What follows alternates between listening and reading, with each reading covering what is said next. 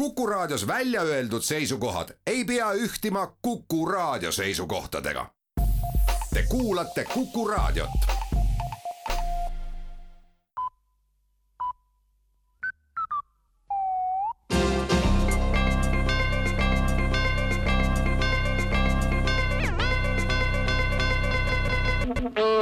tere kuulajatele, uudistega eetris Rohkede Velak valitsuses oli eile sisejulgeolekualane nõupidamine ja vaieldi selgeks, kas politseijuht peaks tulema majast seest või väljastpoolt maja esmapilgul on küsimus lihtne, ent peaministri ja siseministri seisukohad on pikka aega olnud erinevad. nüüdseks on selge, et politseijuht saab tulla kõigepealt väljastpoolt maja ja alles pärast seda saab ta tulla majast seest. Ei ole loogiline, et ta tuleb majast seest, sest enne pidi ta sinna majja minema ja alles seejärel saab ta sealt tulla võimalik muidugi on, et politseijuht sattus majja selle ehitamise käigus või veelgi varem ja ta ei olnud sinna tulnudki, mis teeb võimalikuks, et majast väljastpoolt tulev politseijuht tuleb tegelikult majast seest. kui veel pikalt arutada, siis ei tule lõpuks kedagi ei seest ega väljast ja kõik läheb nagu tavaliselt, nenditi kohtumise lõpetuseks EKRE juhatus annab aga teada, et erakond on otsustanud tegevuse lõpetada, sest peamine on, et oleks rahu. eile toimus ka erakonna juhatuse koosolek, kus tegevuse lõpetamine hääletamisele tuli ja ülekaalukalt otsustati hääletada rahu poolt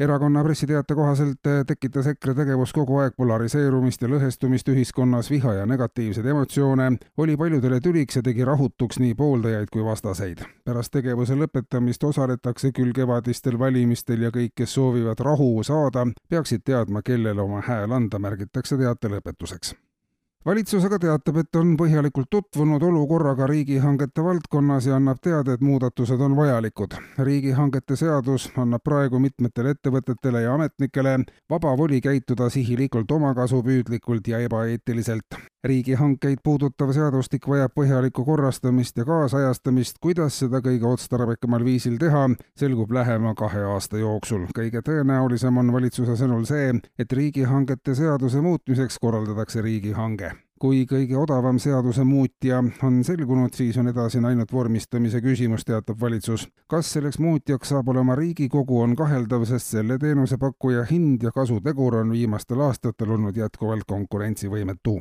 ning ka teaduse vallast. pikaajalised uuringud on näitamas, et väide, nagu tarvitaksid eestimaalased pea kaksteist liitrit puhast alkoholi aastas, ei vasta tegelikult tõele riigi elanikkonna alkoholi tarbimine on küll suur, kuid puhast alkoholi on sellest tarbimisest siiski vähe. kolmkümmend viis protsenti tarbimisest moodustab salaalkohol, mille kvaliteet on enam kui küsitav ja suure osa annab Coca-Cola ja muud surrogaadid puhta alkoholi osakaal kogu tarbimises on ainult mõni protsent ja selle arvestuse järgi on Eestimaa alkoholitarbija koht maailmas kõige viimases otsas, jäädes saja kümne koha piirimaile. põhjalik uuring on näidanud, et Eestis tarvitatakse vaid kaks liitrit puhast alkoholi inimese kohta aastas, ülejäänu tarbimise moodustab igasugune sodi.